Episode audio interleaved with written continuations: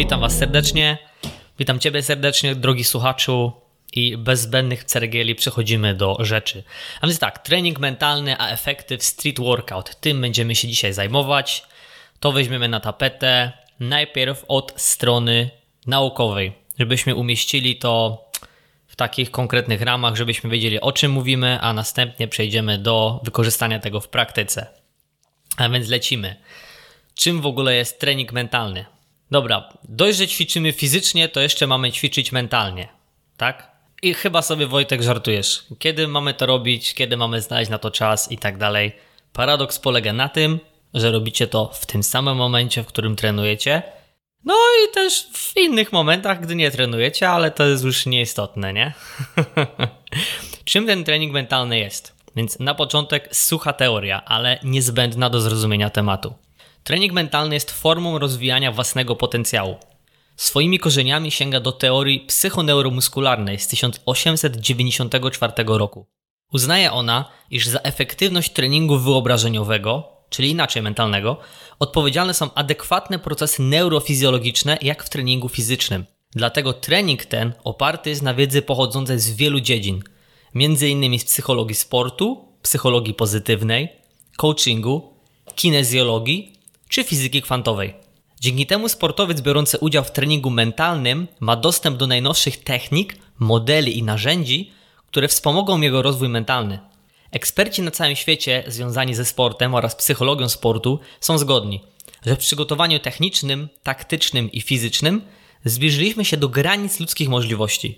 Natomiast miejscem, w którym sportowiec może szukać swojej przewagi nad rywalami, jest sfera mentalna. I tutaj idziemy za słowami Roberta G. z portalu Psychologia Sportu. Brzmi to skomplikowanie. Na pewno nie pomaga fakt, że wspominamy tutaj fizykę kwantową, jednak uwierz mi, drogi słuchaczu, ja postaram się to przedstawić w przystępnej formie. Temat jest obszerny, ale tutaj skupimy się głównie na wizualizacji, czyli treningu wyobrażeniowym. I słuchaj, mówimy o czymś, co działa. To nie jest teoria, znaczy mówimy też o teorii, ale to nie jest teoria, że to może działa, może nie wizualizacja działa, są na to konkretne badania, także zapraszam do postu, tam jest opisane w tej kwestii więcej. Ok, tutaj taka wstawka. Wyobrażając sobie nową sytuację, zapisujesz w pamięci mózgu nowe odruchy warunkowe. Kiedy wielokrotnie wizualizuje się jakąś sytuację i reakcję na nią, to gdy w rzeczywistości ma się do czynienia z czymś podobnym, mózg natychmiast przywołuje wrażenie z podświadomości. Mózg nie odróżnia czynności wykonywanych fizycznie od wyobrażonych i wizualizowanych. Jeśli trudno ci w to uwierzyć, pomyśl o uczuciu w żołądku, jakie wywołuje oglądanie filmu z kolejką w lunaparku. Jak to wszystko działa? Sprawa nie jest prosta do wytłumaczenia. Przeglądając publikacje na ten temat, natknąłem się na co najmniej kilka wytłumaczeń. Przytoczę dwa, które moim zdaniem idealnie odwzorowują temat. Po pierwsze, konstruktywne i celowe posługiwanie się wyobraźnią to zdecydowanie coś więcej niż bezrefleksyjne marzenie. Dopiero w momencie, gdy używasz wyobraźni umiejętnie i systematycznie w celu podniesienia swojej wydajności, np. odblokowania nowego skilla, czy to planche, czy to front, wtedy przyniesie ci to korzyści. Wyobraźnia ukierunkowana w tak zdyscyplinowany sposób posłuży ci właśnie do wizualizacji bądź treningu wyobrażeniowego. Choć może Ci się to wydawać skomplikowane, wcale takie nie jest, a koncept używania wyobraźni opiera się na prostych zasadach. Większość z nas używa wyobraźni tylko w sposób nieusystematyzowany i dlatego nie przynosi to żadnych efektów. Możesz być pewny, że potrafisz odróżnić wydarzenia, które mają miejsce w rzeczywistości i te, które sobie wyobrażasz. To rozróżnienie jest jednak w rzeczywistości znacznie mniej oczywiste niż myślisz. Wiadomości wysyłane w postaci impulsów neuronowych do mózgu podczas wizualizowania czynności bardzo przypominają te wysyłane podczas fizycznego wykonywania czynności.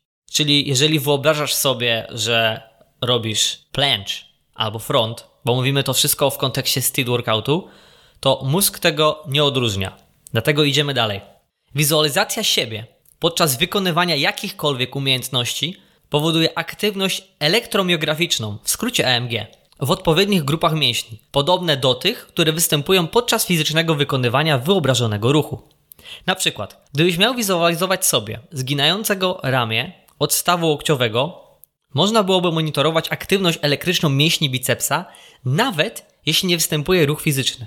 Rozumiecie, nie? Zginasz rękę to są impulsy. Wyobrażasz sobie, że tę rękę zginasz, to gdybyśmy prześledzili te impulsy, byłyby niemal takie same. Ostatnie badania wykazały, że wzorzec takiej aktywacji podczas obrazowania nie odzoruje, nie odzorowuje dokładnie EMG zarejestrowanego podczas rzeczywistego ruchu. Jednak impulsy nerwowe, które są przekazywane z mózgu do układu mięśniowego podczas obrazowania, mogą zostać zachowane w pamięci prawie tak, jakby ruch rzeczywiście miał miejsce. I tutaj małe wtrącenie, bo ja jak zaczynałem trenować street workout, to całkowicie nieświadomy sposób stosowałem tę technikę. I wiesz, ty zapytasz jak, ale na pewno koledzy, który, którzy ze mną trenowali, dobrze wspominają mnie, gdy dobrze, mam nadzieję, że dobrze, a nie że źle. Gdy wjeżdża drop, a ja tylko mówię, widzę to, widzę to. I bang, planche. Albo widzę to. I bang, front. Tak było za każdym razem. Ja tak zaczynałem trenować streeta i tak trenuję do teraz. Ja nawet nie musiałem zamykać oczu. Ja miałem otwarte oczy, patrzę na poręcze, czy to na drążek, na cokolwiek i widzę siebie robiącego daną rzecz w danej formie, przy danej muzyce. M może to jest banał, ale dowiesz się, że te wszystkie aspekty mają znaczenie. Lecimy dalej. Drugą teorią jest, e, tutaj macie link, żebyście sobie to prześledzili. W podcaście tego nie macie oczywiście, haha. Model PE, TT, LEP. Oczywiście to jest z angielskiego, ale tutaj będzie to wytłumaczone. Lecimy.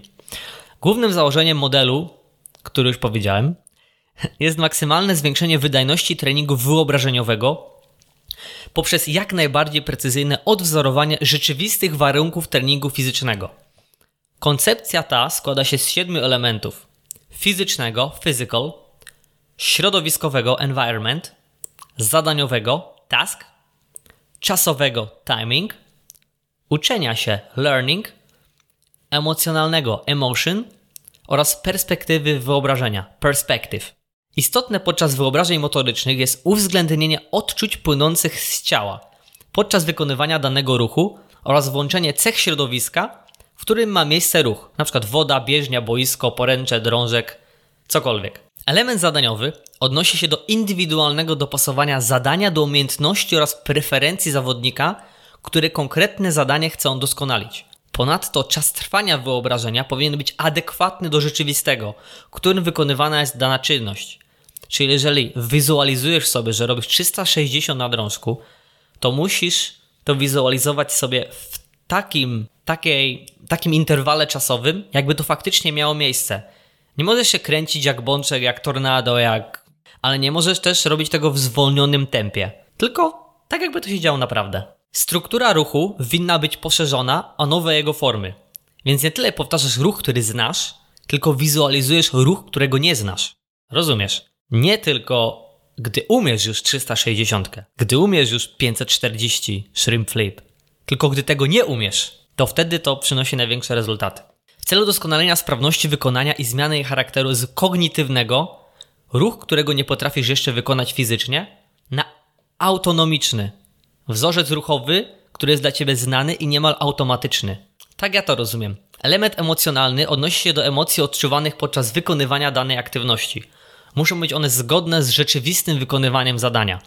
Dodatkowo, nie mniej istotne jest perspektywa wyobrażenia sobie danego ruchu w zależności od charakteru zadania, indywidualnej zdolności wyobrażenia sobie czynności motorycznych. I tak sobie słuchacie, i może nadal nie do końca to wszystko być jasne. Dlatego teraz zrobimy taką próbę taktyczną. Będzie takie ćwiczenie, które możesz wykonać teraz, w tej chwili, ale też nie musi to być dokładnie teraz. A okej, okay, zaczynamy. Ćwiczenie to, które nazywa się, nie ma swojej nazwy, to jest próba taktyczna, whatever. Możesz wykonać zarówno w zaciszu swojego domu, jak i tuż przez battle, przed battle podczas zawodów. Pomoże Ci to stworzyć plan mentalny, szkielet dla Twoich neuronów do wykonania wszystkiego perfekcyjnie. A więc zaczynamy. Weź głęboki wdech i skoncentruj się na kontrolowaniu oddechu. Powtórz dwa razy, a przy trzecim wydechu pozwól swojemu umysłowi się oczyścić. Następnie przećwicz mentalnie w wyobraźni ruchy lub taktykę na własne oczy. Najpierw powoli, a następnie stopniowo przyspieszaj, aż osiągniesz pełną prędkość. Skoncentruj się na tym, aby Twoje ruchy były płynne i wydajne. Za każdym razem, gdy próbujesz w myślach, osiągasz pożądany rezultat. Jeśli na początku nie uzyskasz pożądanego rezultatu, kontynuuj grę, dopóki tego nie zrobisz. To jest teraz chwila dla ciebie i spróbuj. Za chwilę przejdziemy dalej.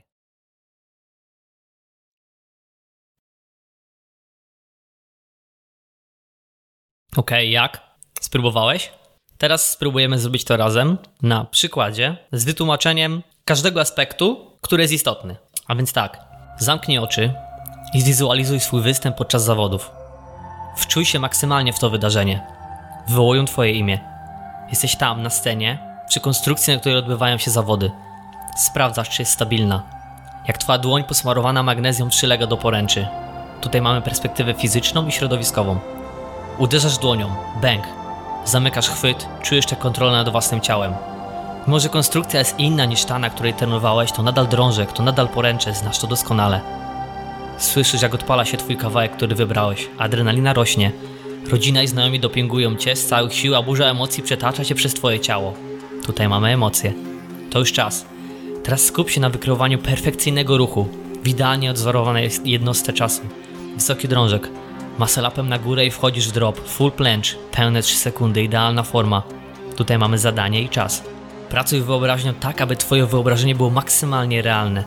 To jest moment, w którym to, co już umiesz, przeplatasz z tym, czego się uczysz, a wszystko wychodzi ci idealnie.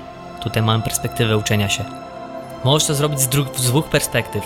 Pierwszej, czyli widzisz wszystko swoimi oczami, a także trzeciej. Obserwujesz siebie z perspektywy rodzica, dziewczyny czy jakiegoś kibica.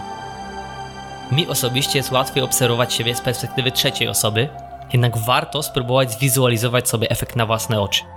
Mam nadzieję, że teraz razem i ja i ty zrozumieliśmy tę perspektywę o wiele lepiej i będziesz mógł wpleść trening wyobrażeniowy, a przynajmniej to proste jedno zadanie, bo na pewno poruszymy jeszcze ten temat, do swoich treningów. Na sam koniec słowo od trenujących, bo czymże byłby post o wizualizacji, gdybym ja nie spytał o opinię na ten temat innych ludzi, którzy trenują. I po to zapraszam Cię już do mojego postu na blogu www.maślanywojtek.pl. Niech te słowa wybrzmią do Ciebie bezpośrednio. Okej, okay. to był mój pierwszy podcast. Mam nadzieję, że Ci się podobało. Teoretycznie wszystko było fajnie. Jak się to ma do rzeczywistości? Spróbuj. Bo pamiętaj, nic nie działa tak jak działanie, więc próbuj, testuj i uwierz mi, że ja ten temat ledwie posmyrałem i sam nadal czytam, wędruję po tych meandrach tego wszystkiego i badam coraz więcej. Na blogu są wszystkie linki do informacji, na których się opierałem, a ty kop głębiej, bo warto. Pozdro, cześć.